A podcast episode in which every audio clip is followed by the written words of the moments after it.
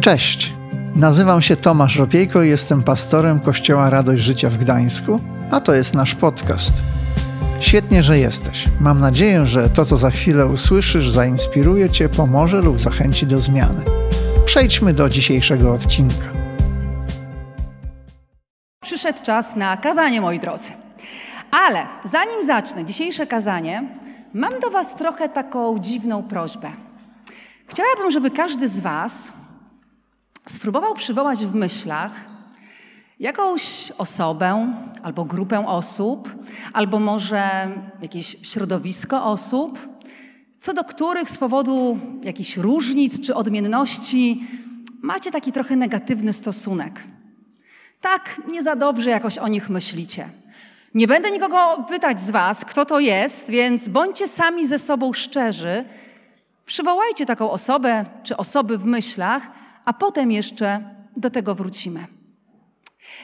Więc dzisiaj ja tutaj stoję w roli reżysera czy reżyserki, e, jak to się dzisiaj mówi. E, I gdybym ja miała nakręcić film na podstawie dzisiejszego przesłania Jezusa, to pierwszą sceną byłaby taka scena, kiedy Jezus siedzi ze swoimi uczniami, rozmawiają o różnych rzeczach, ale w pewnym momencie tą ich wspólną rozmowę przerywa jakiś człowiek, podchodzi do nich, okazuje się, że jest to znawca prawa, uczony w piśmie, przerywa im i zadaje Jezusowi jedno pytanie.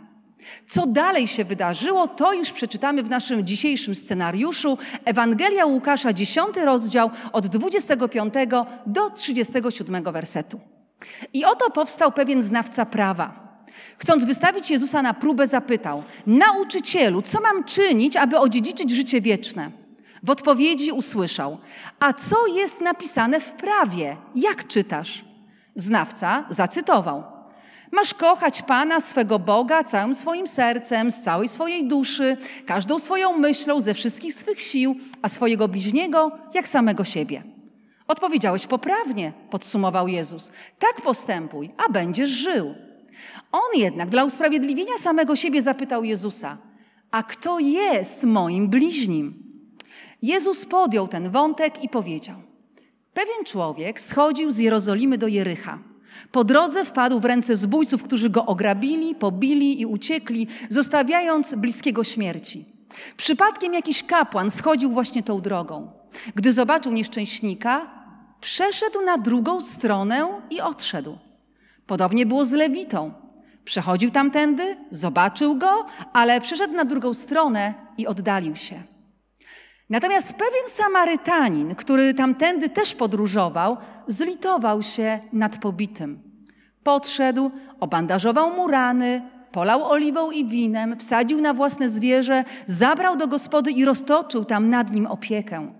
Nazajutrz udał się do gospodarza, zapłacił za dwa dni z góry i powiedział: Zadbaj o chorego, a cokolwiek ponad to wydasz, wyrównam w drodze powrotnej. Który z tych trzech, Twoim zdaniem, okazał się bliźnim człowieka, który padł ofiarą rozboju? Znawca odparł: Ten, który się nad nim zlitował. Wtedy Jezus powiedział: Idź i postępuj podobnie. Z przeczytanego fragmentu dowiadujemy się, że jakiś znawca prawa podszedł do Jezusa z pytaniem, ale czytamy, że on chciał wystawić Jezusa na próbę. Nie wiemy dokładnie o co chodziło, czy był to jeden z tych uczonych w piśmie, który chciał po prostu przyłapać Jezusa na jakiejś niezgodności z prawem, na jakiejś herezji, aby zdyskredytować Jezusa i jego służbę. Czy może był to rzeczywiście znawca prawa, którego coś nurtowało, coś mu nie dawało spokoju i chciał niejako wypróbować, co Jezus odpowie na jego pytanie. W każdym razie pytanie, które zadał, brzmiało: Co mam robić, aby odziedziczyć życie wieczne? Dosyć ważne pytanie. Jezus, nawet jeżeli zdaje sobie sprawę, że mogą stać za tym pytaniem jakieś niezbyt czyste motywacje, wchodzi w tę rozmowę. Jezus, kiedy go pytamy, rozmawia z nami, odpowiada nam. Ale czytamy, że tak jak często to było w tradycji rabinistycznej, nie daje takiej prostej odpowiedzi. Ale odpowiada znawcy prawa pytaniem na jego pytanie, chcąc trochę może też dowiedzieć się o tym, co on na ten temat sądzi. I mówi do niego: No to co jest napisane w prawie? Co ty czytasz na ten temat w prawie? Mówiąc prawo, mamy tutaj na myśli prawo mojżeszowe, czyli zbiór zasad, przykazań, reguł, które Bóg przekazał swojemu ludowi w Starym Testamencie przez Mojżesza. Jezus pyta, jak ty rozumiesz na podstawie tego prawa, co trzeba robić, aby mieć życie wieczne? I ten człowiek cytuje pewien fragment prawa mojżeszowego, odpowiada: Masz kochać Pana swego Boga całym swoim sercem, z całej swojej duszy, każdą swoją myślą, ze wszystkich swych sił, a swojego bliźniego jak siebie samego. Jezus, kiedy usłyszał tę odpowiedź, mówi po prostu: Zgoda, tak jest. Bardzo dobra odpowiedź. Dokładnie to, dokładnie o to chodzi. Świetnie to zrozumiałeś. Teraz po prostu idź i postępuj tak, aż rzeczywiście odziedziczysz życie wieczne. I wydawałoby się, że w tym momencie powinien nastąpić koniec tej historii. Pytanie zostało zadane, znawca prawa uzyskał odpowiedź na to pytanie, wie już, co robić, aby mieć życie wieczne. Wszystko jasne. Ma kochać Boga, ma kochać bliźniego. Ale czy na pewno jasne? Najwyraźniej coś musi dręczyć tego człowieka, jeśli chodzi o miłość do bliźniego, bo czytamy, że szukał jakiegoś usprawiedliwienia dla siebie. I po chwili pada z jego ust kolejne pytanie. Być może to było właśnie to zasadnicze pytanie, które chciał postawić Jezusowi. I pyta: No ale kto właściwie jest moim bliźnim? Skoro mam kochać bliźniego, żeby odziedziczyć życie wieczne, to może zdefiniujmy, ustalmy, kto to jest mój bliźni. W dosłownym znaczeniu tego słowa bliźni oznaczał sąsiada, kogoś, kto żył obok, członka tej samej wspólnoty. Wszystkie starożytne kultury, trzeba to powiedzieć, wyznaczały bardzo wyraźną granicę pomiędzy swoimi, czyli tymi, którzy są wewnątrz, którzy są częścią wspólnoty, a obcymi, czyli tymi, którzy są na zewnątrz, czyli tymi, którzy są poza moją wspólnotą. Tak było również w kulturze żydowskiej. Dlatego dla Żyda bliźnim był jedynie drugi Żyd. Poganin, człowiek innej narodowości nie mieścił się już w definicji bliźniego. A to oznaczało, że przykazanie o miłowaniu bliźniego stosowano tylko w stosunku do innych Żydów, tylko względem swoich. Czy potwierdzenie tej właśnie zasady chce usłyszeć z ust Jezusa ten znawca prawa? Czy jest coś, co mu tutaj nie pasuje, co mu nie gra, że o to dopytuje? Tego nie wiemy. Ale Jezus też nie daje mu takiej prostej odpowiedzi. Zamiast tego zaczyna opowiadać historię. Historię, którą my dzisiaj znamy jako przypowieść o miłosiernym Samarytaninie. Przypowieść, ale uwaga, w tym tekście biblijnym nie jest napisane, że to jest przypowieść, tak jak to jest wzmiankowane przy innych przypowieściach. Więc może to nie była wcale przypowieść. Może historia o miłosiernym Samarytaninie była historią, która wydarzyła się naprawdę. O czym zatem opowiada Jezus w tej historii? I znów zapraszam Was, żebyśmy przenieśli się w tę konwencję filmową i wyobraźmy sobie malowniczą scenę, w której jakiś podróżny schodzi drogą z Jerozolimy do Jericha. Oba miasta dzieliła odległość około 25 kilometrów, natomiast ta droga była to taka raczej wąska ścieżka, bardzo stroma, biegnąca wzdłuż potoku, która słynęła z wielu niebezpieczeństw, dlatego że w okolicznych jamach czy przepaściach czaili się często zbójcy, którzy napadali na przechodzących czy przejeżdżających tamtędy podróżnych. Niestety to właśnie stało się udziałem bohatera naszej historii, jakiegoś człowieka, prawdopodobnie Żyda, o którym nie wiemy zbyt wiele, oprócz tego, że został napadnięty przez zbójców, ograbiony, pobity i pozostawiony sam sobie przy tej drodze w stanie bliskim śmierci. Uff. Jeśli wyobraziłeś sobie tą scenę, wyobraziłaś sobie tą scenę naprawdę, to przyznajcie, film sensacyjny. Naprawdę. Mocna scena na samym początku. Ale uwaga, drodzy widzowie, za chwilę już można odetchnąć, bo oto tą właśnie drogą, tą samą drogą nadchodzi kapłan. Nie było to nic zaskakującego. Kapłani mieszkali zazwyczaj poza Jerozolimą. Wielu z nich mieszkało właśnie w Jerychu. Natomiast przynajmniej raz do roku kapłani przybywali do świątyni jerozolimskiej, aby tam odbyć swoją kapłańską służbę. Odprawiali różne obrzędy, składali ofiary, nauczali prawa, zajmowali się sprawami sądowymi. Tak więc, o ile ten na wpół żywy człowiek miał jeszcze jakiś kontakt z rzeczywistością i dostrzegł tego nadchodzącego kapłana, to prawdopodobnie jego serce napełniło się wielką nadzieją i radością, że oto nadchodzi upragniony ratunek. Niestety, bardzo szybko musiał się z tą nadzieją pożegnać. Bo tak, kapłan go zauważa, ale co robi? Przechodzi na drugą stronę drogi, omija go i idzie w swoim własnym kierunku. Bardzo przykra sytuacja. Ale, drodzy widzowie, nie musimy się tak bardzo niepokoić, bo oto widzimy już na horyzoncie, tą samą drogą nadchodzi kolejna osoba. Tym razem jest to Lewita. Lewici to byli tacy asystenci kapłanów w świątyni. Oni też usługiwali w świątyni, ale pełnili taką bardziej pomocniczą służbę. Byli strażnikami, śpiewakami, czasami też nauczali, więc może tym razem się uda. Może to jest właśnie ratunek. W końcu kolejny święty człowiek nadchodzi tą drogą i niestety nie. Podobnie jak kapłan, Lewita zauważa co prawda tego pobitego człowieka, ale przechodzi na drugą stronę drogi i oddala się w swoim kierunku. Jak to jest możliwe, że ludzie, tacy jak kapłan i lewita, których życie na co dzień było poświęcone Bogu, którzy pełnili służbę dla Boga, być może właśnie wracali z Jerozolimy, z odbywania tej służby dla Boga, znali słowo Boga, nie zatrzymali się i nie pomogli człowiekowi w potrzebie. Jezus nie wyjaśnia, przyczyn, powodów ich zachowania.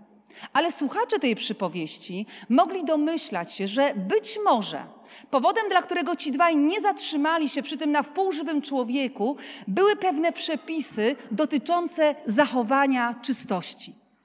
Otóż, zgodnie z prawem mojżeszowym, każdy, kto dotknął zmarłego albo nawet przedmiotu, który miał kontakt ze zmarłym, stawał się nieczysty i musiał poddać się siedmiodniowemu oczyszczeniu i izolacji, aby nie przenosić nieczystości na innych ludzi. Czyli czemu się musiał poddać, mówiąc dzisiejszym językiem?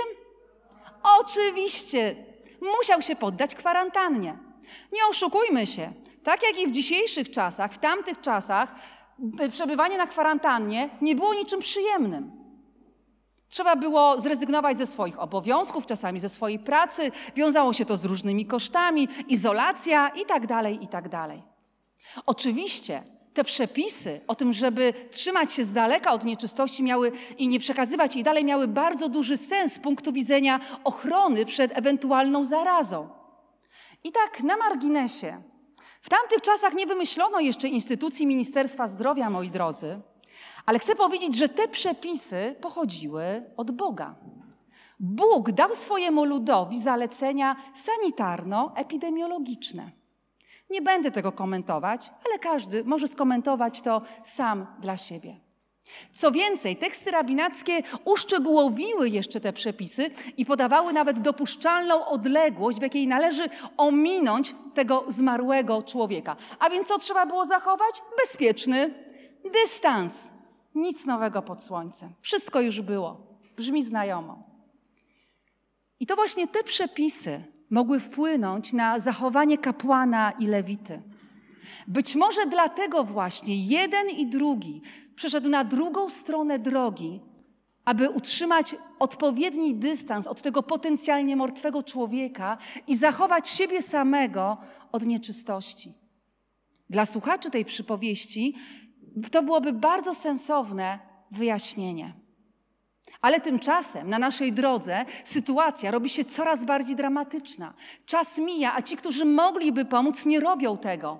Ale spokojnie, oto na horyzoncie pojawia się trzecia osoba. I znów, jeśli przez moment w sercu naszego rannego podróżnego zatliła się nadzieja, że może teraz, może po raz trzeci, za trzecim razem pojawia się wreszcie upragniony ratunek, to już po chwili ta nadzieja zgasła bo oto drogą nadchodzi Samarytanin. A Samarytanie byli uważani za wrogów narodu żydowskiego. I żeby zrozumieć sens tego, co dalej się wydarzyło, musimy wiedzieć, kim dla Żydów byli Samarytanie i odwrotnie. Więc pozwólcie mi na krótką lekcję historii. Otóż Królestwo Izraela, które pod władzą króla Dawida obejmowało 12 plemion izraelskich, rozpadło się na dwie części, kiedy na tronie zasiadł wnuk króla Dawida. W wyniku tego rozpadu powstały dwa królestwa. Królestwo Północne, Samaria, ze stolicą w mieście Samaria, i Królestwo Południowe, Juda, ze stolicą w Jerozolimie, gdzie znajdowała się świątynia Salomona. Pomiędzy mieszkaniami, mieszkańcami obu tych królestw, choć wcześniej przecież stanowili oni jeden naród, dochodziło do licznych napięć. Judejczyków bulwersował fakt, że Samarytanie, zamiast przyjeżdżać do świątyni w Jerozolimie i tam oddawać Bogu cześć, budowali swoje własne miejsca kultu, w których tak czcili Boga Jahwe, ale w postaci złotego cielca. W VIII wieku przed naszą erą Samaria została podbita przez wojska asyryjskie.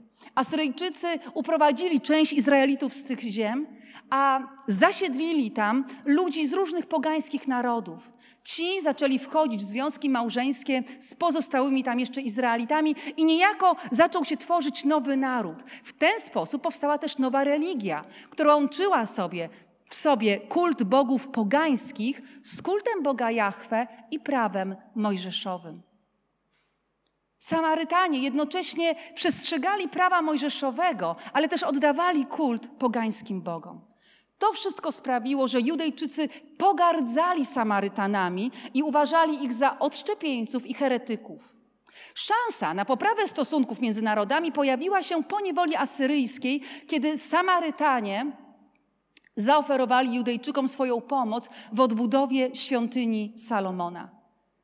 Jednak Judejczycy nie chcieli o tym słyszeć. Bardzo dosadnie odpowiedzieli, że nic ich nie łączy, że nie mają nic wspólnego z Samarytanami i nie życzą sobie, żeby ci pomagali im w odbudowie świątyni Boga.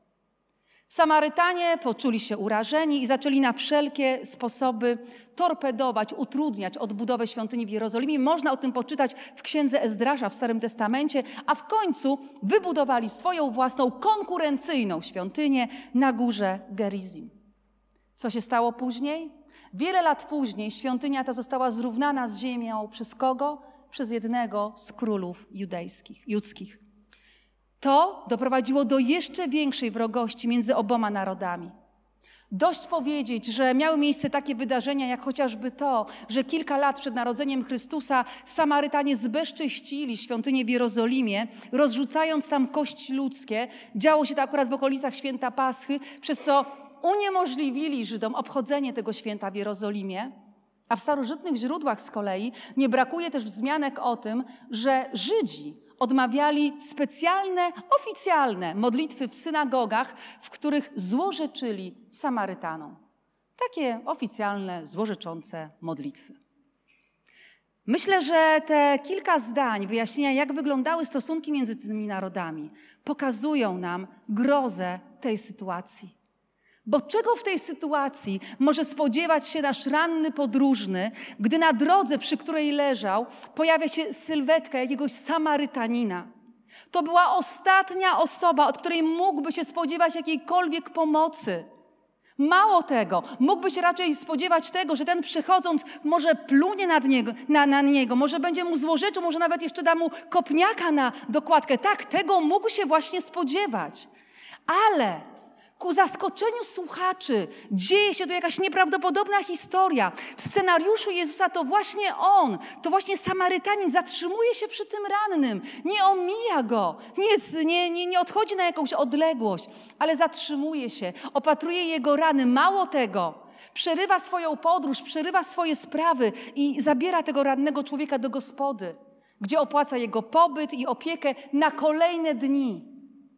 Co za historia? Co tu się dzieje? To dlaczego ten Samarytanin udziela pomocy? Już pomijając wszystko inne, to co? To prawo Mojżesza dotyczące nieczystości w kontakcie ze zmarłym, to jego nie obowiązuje? Ależ tak, obowiązuje. Oni też przestrzegali prawa Mojżesza. jego kontakt ze zmarłym nie czyni nieczystym? Mógłby uczynić. W takim razie, jakim on kieruje się prawem? Jakie są jego motywy? I wiecie, paradoksalnie, właściwie wszyscy trzej kapłan, lewita, samarytanin postąpili zgodnie z prawem.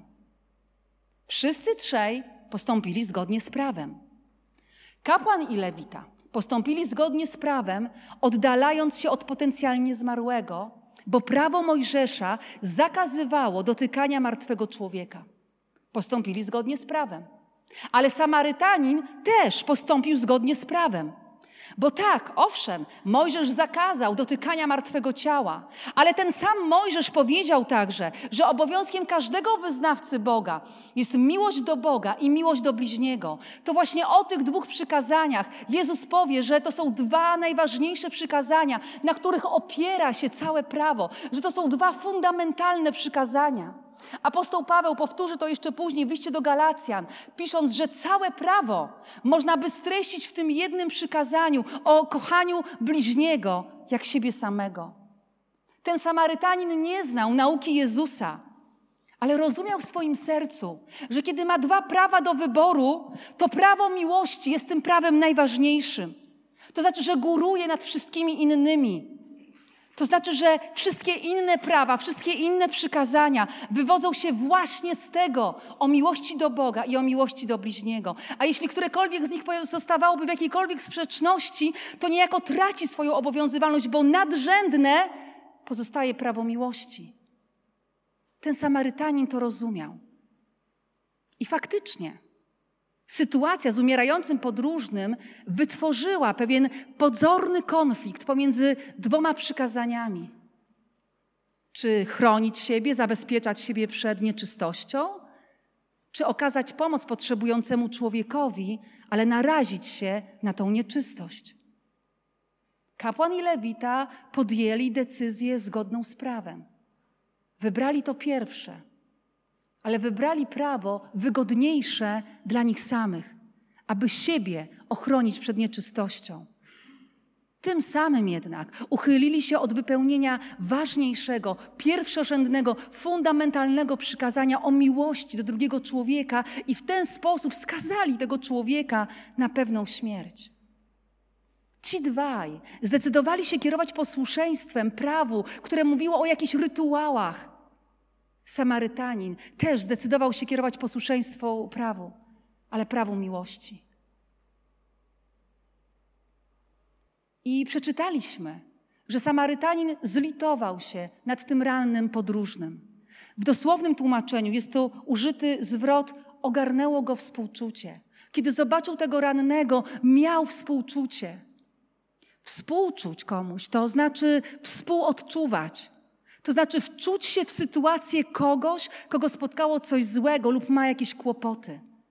Samarytanin na widok tego rannego podróżnego poczuł współczucie, potrafił się postawić w jego sytuacji, w tym, co on tam czuł i w tym, co on tam przeżywał, leżąc pobity i pozostawiony sam sobie przy tej drodze. I to właśnie to współczucie powoduje, że jego reakcja jest inna niż reakcja lewity i kapłana. Kiedy my wczujemy się w sytuację drugiej osoby, to w naturalny sposób zaczynamy kierować się prawem miłości, a nie innymi, nawet najbardziej prawidłowymi, świętymi przepisami czy regułami. To współczucie dla drugiego człowieka sprawia, że potrafimy kierować się prawem miłości, a nie jakimiś innymi regułami, zasadami dotyczącymi jakichś rytuałów. I to właśnie Samarytanin a nie ci, po których najbardziej by się tego spodziewano, wybrał to najważniejsze, priorytetowe, fundamentalne przykazanie przykazanie miłości do drugiego człowieka. I wiecie, myślę sobie, że każdy z nas, każdy chrześcijanin w dzisiejszych czasach niejednokrotnie staje wobec trudnego wyboru pomiędzy dwoma w jego przekonaniu słusznymi zachowaniami, czy pomiędzy dwoma przykazaniami. Nieraz nie wiemy, co wybrać, nieraz nie wiemy, jak zareagować, nieraz nie wiemy, jak postąpić względem niektórych ludzi. Świat nie jest czarno-biały. Mamy nieraz tak zwany dylemat moralny. W dzisiejszym współczesnym świecie naprawdę tych dylematów nie brakuje. Ale wiecie, ta historia pokazuje, że kierując się miłością do drugiego człowieka, że kierując się współczuciem dla drugiego człowieka, zawsze postąpimy słusznie. Kierując się prawem miłości w oczach Boga, nie popełnimy błędu. Mało tego, kierując się prawem miłości, właśnie te, wtedy idziemy drogą, która prowadzi nas do życia wiecznego. To jest ta droga. I oczywiście to nie jest łatwe. To nie jest takie proste. Pomyśl teraz o tej osobie, o której pomyślałeś na początku.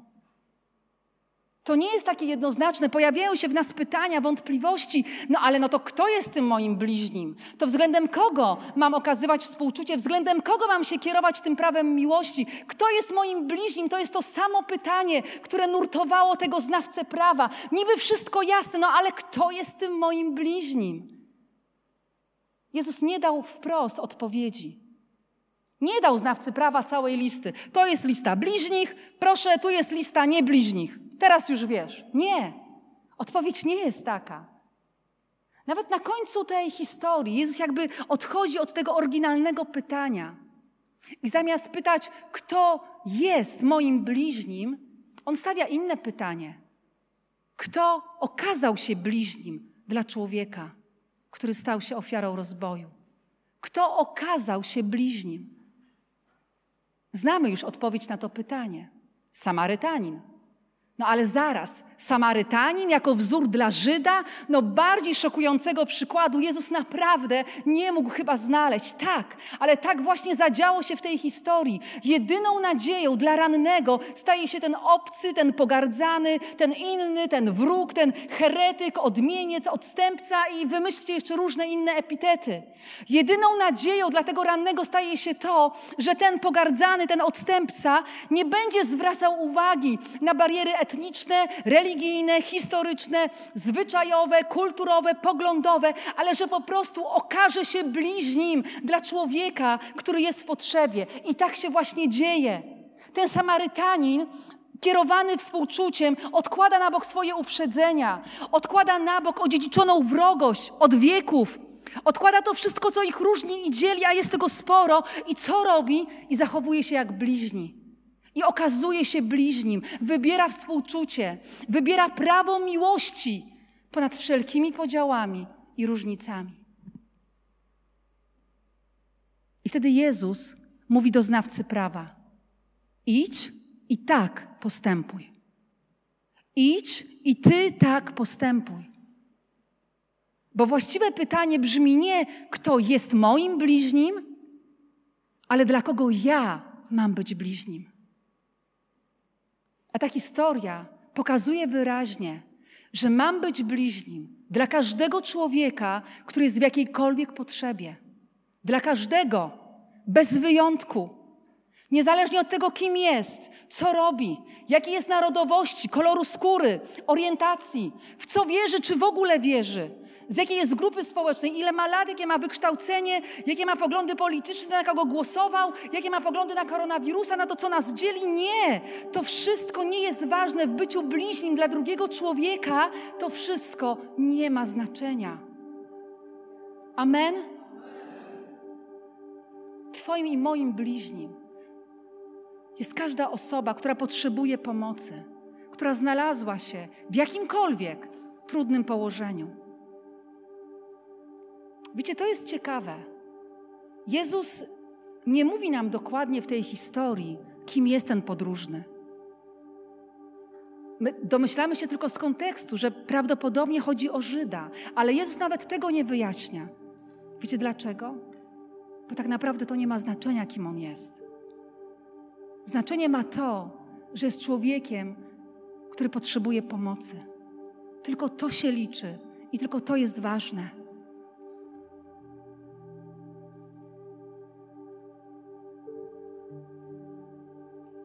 Jeżeli uważnie słuchacie kazań w naszym cyklu o przypowieściach, to może myślicie sobie teraz, ale już te słowa padały z tego miejsca, podobne.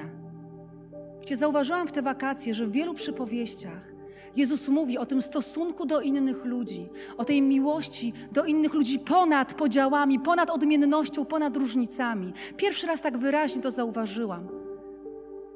Nie wiem, czy zauważyliście, ale różne osoby, które stawały w tym miejscu, bardzo podkreślały ten wątek w różnych przypowieściach. Nie uzgadnialiśmy tego między sobą. I myślałam nad tym. I myślę sobie, to moja refleksja, możesz mieć inną.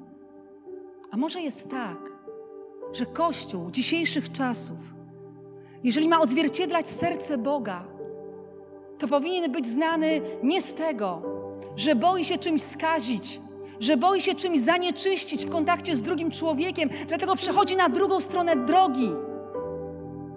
Ale może powinien być znany z tego, że ponad wszystko okazuje współczucie i miłość tym, którzy tego potrzebują. Może to jest wyzwanie dla Kościoła dzisiejszych czasów, kiedy żyjemy w tak bardzo skomplikowanych i tak bardzo nieczarno-białych czasach.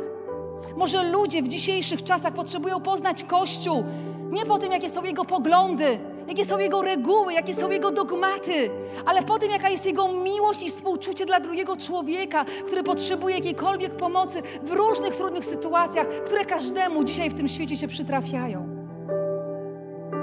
Wiecie, chciałabym, żeby nasz Kościół z tego był właśnie znany. Chciałabym, żeby moje życie tak odzwierciedlało serce Boga, choć wiem, że wiele razy tak jeszcze nie jest. I chcę zwrócić Waszą uwagę na jeszcze jedną rzecz. Gdy Jezus zapytał znawcę prawa, który z tych trzech okazał się bliźnim, on odpowiedział: Ten, który się zlitował. Ten, jakiś ten. Nie może mu przejść przez usta słowo Samarytanin. No bo jak to? Samarytanin okazał się bliźnim, okazał się przykładem, wzorem do naśladowania. Samarytanin to była obelga w ustach Żydów. I chcę Ci powiedzieć, że nasze współczucie do drugiego człowieka musi zacząć się od naszego języka. Nie możesz mieć współczucia dla drugiego człowieka, dla kogoś, o kim wyrażasz się w obraźliwy sposób, nawet w żartach. Wybaczcie mi teraz.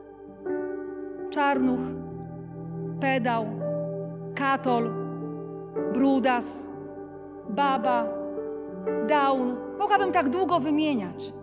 Czasami zdarza nam się używać takich określeń. Ale chcę Ci powiedzieć, jeżeli Ty i ja chcemy wypełnić prawo miłości względem drugiego człowieka, to musimy zacząć od naszego języka, bo inaczej to dalej nie pójdzie. I wiecie, może to, co dziś mówię, brzmi trochę jak jakaś utopia, jakieś nierealistyczne ideały. No bo jak to? Mam zostawić moje słuszne poglądy, przekonania, zasady i tak po prostu mieć miłość i współczucie dla każdego, kto z jakiegoś powodu leży przy tej drodze? Ale chcę Ci przypomnieć, że kiedyś Ty i ja też leżeliśmy przy tej drodze. Poranieni, ograbieni, osamotnieni. Ale na naszej drodze pojawił się pewien miłosierny Samarytanin. I wiesz co? Nie pytał nas o naszą przeszłość. Nie pytał o to, jakie mamy poglądy. Nie pytał o to, ile w życiu narozrabialiśmy. Nie pytał, czy jesteśmy wierzący i jak bardzo wierzący, a nie od ilu lat. Ale zobaczył naszą potrzebę i okazał nam współczucie. Opatrzył nasze rany, otoczył nas swoją opieką zatroszczył się o nasze życie. Pamiętacie, co zrobił Samarytanin w tej historii? Zapłacił za to, żeby ten człowiek mógł wrócić do zdrowia. I ten miłosierny Samarytanin, o którym mówię, Jezus Chrystus, Boży Syn, On też zapłacił. I On zapłacił najwyższą cenę. On zapłacił cenę swojego życia za to, żeby każdy człowiek mógł zostać uratowany od swoich grzechów i znaleźć się w tej bezpiecznej gospodzie, w domu Boga Ojca. Zrobił to dla Ciebie, zrobił to dla mnie, ale uwaga, zrobił to dla każdego bez wyjątku człowieka na tej ziemi. Niezależnie od tego, czy ten człowiek chciałby odpowiedzieć miłością na jego miłość, czy też nie, po prostu to zrobił. Co nim kierowało? Kierowało nim prawo miłości i współczucia dla każdego zgubionego. On sam stał się wypełnieniem Bożego prawa miłości. Skoro więc On, Jezus Chrystus, święty Boży Syn, jest tym najdoskonalszym, miłosiernym Samarytaninem, to powiedz mi, jaką ja albo Ty mamy wymówkę do tego, żeby nie okazać miłości i współczucia ludziom, których spotykamy na naszej drodze? Jaką my mamy wymówkę? My, którzy sami kiedyś leżeliśmy przy tej drodze. Może za każdym razem, kiedy mamy dylemat, jak postąpić względem drugiego człowieka, które przykazanie wybrać, jak się zachować. Może tak naprawdę jedyne, co potrzebujemy zrobić, to spojrzeć na krzyż i na miłość, która zamanifestowała się na tym krzyżu dla każdego, bez wyjątku człowieka.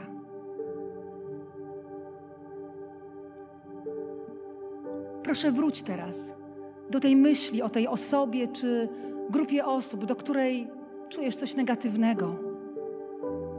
Czy po tej historii widzisz to jakoś inaczej? Czy byłbyś, czy byłabyś gotowa dla tych ludzi być miłosiernym Samarytaninem? Czy byłabyś gotowa, czy byłbyś gotowy pomimo różnic, odmienności kierować się prawem miłości względem nich? A co by się stało, gdyby to oni okazali się miłosiernym Samarytaninem dla Ciebie, kiedy Ty będziesz w potrzebie? Jak to zmieniłoby Twoje myślenie? Chcę zostawić Cię z tymi pytaniami. Zapraszam Was, kochani, do, do modlitwy. Powstańmy, proszę. Spędźmy chwilę czasu z Bogiem.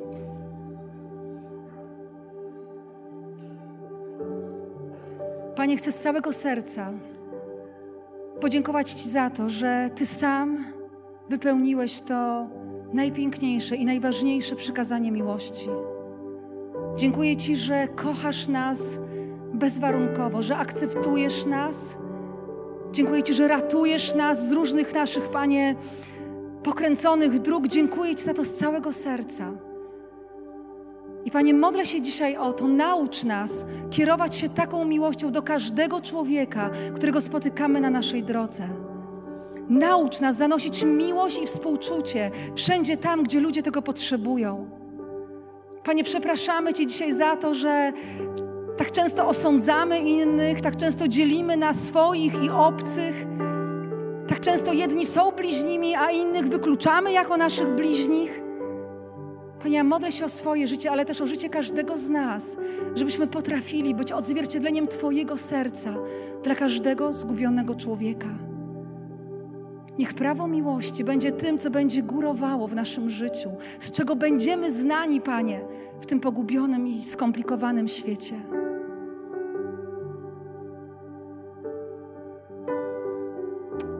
A może dzisiaj jesteś na tym miejscu i, i myślisz sobie, no ja właśnie leżę przy tej drodze. Chciałbym, żeby ten Samarytanin, żeby ten Jezus Chrystus mnie znalazł, żeby przyszedł, żeby zaopiekował się mną i moim życiem. Może oglądasz teraz to kazanie na, na internecie i myślisz sobie, chciałbym poznać tego Samarytanina, chciałbym poznać tego Jezusa. Możesz to zrobić. Możesz go zaprosić do swojego życia. Pomodlę się teraz modlitwą. Chciałabym żebyśmy wszyscy razem wypowiedzieli jej słowa głośno. Jeżeli wypowiadasz ją po raz pierwszy, to chcę Ci powiedzieć, zapraszasz w ten sposób Jezusa do tego, by zaopiekował się Twoim życiem. Panie Jezu, dziękuję, że przyszedłeś na świat jako Zbawiciel. Dziękuję, że umarłeś za moje grzechy. Wyznaję je teraz przed Tobą. I przepraszam za każdy z nich. Otwieram przed Tobą moje serce i zapraszam Cię do mojego życia. Amen. Dzięki, że zostałeś z nami do końca. Pamiętaj, że odcinki pojawiają się w każdy poniedziałek o 18. Jeśli chcesz dowiedzieć się o nas więcej, to wejdź na stronę kazetgdańsk.org. Do usłyszenia.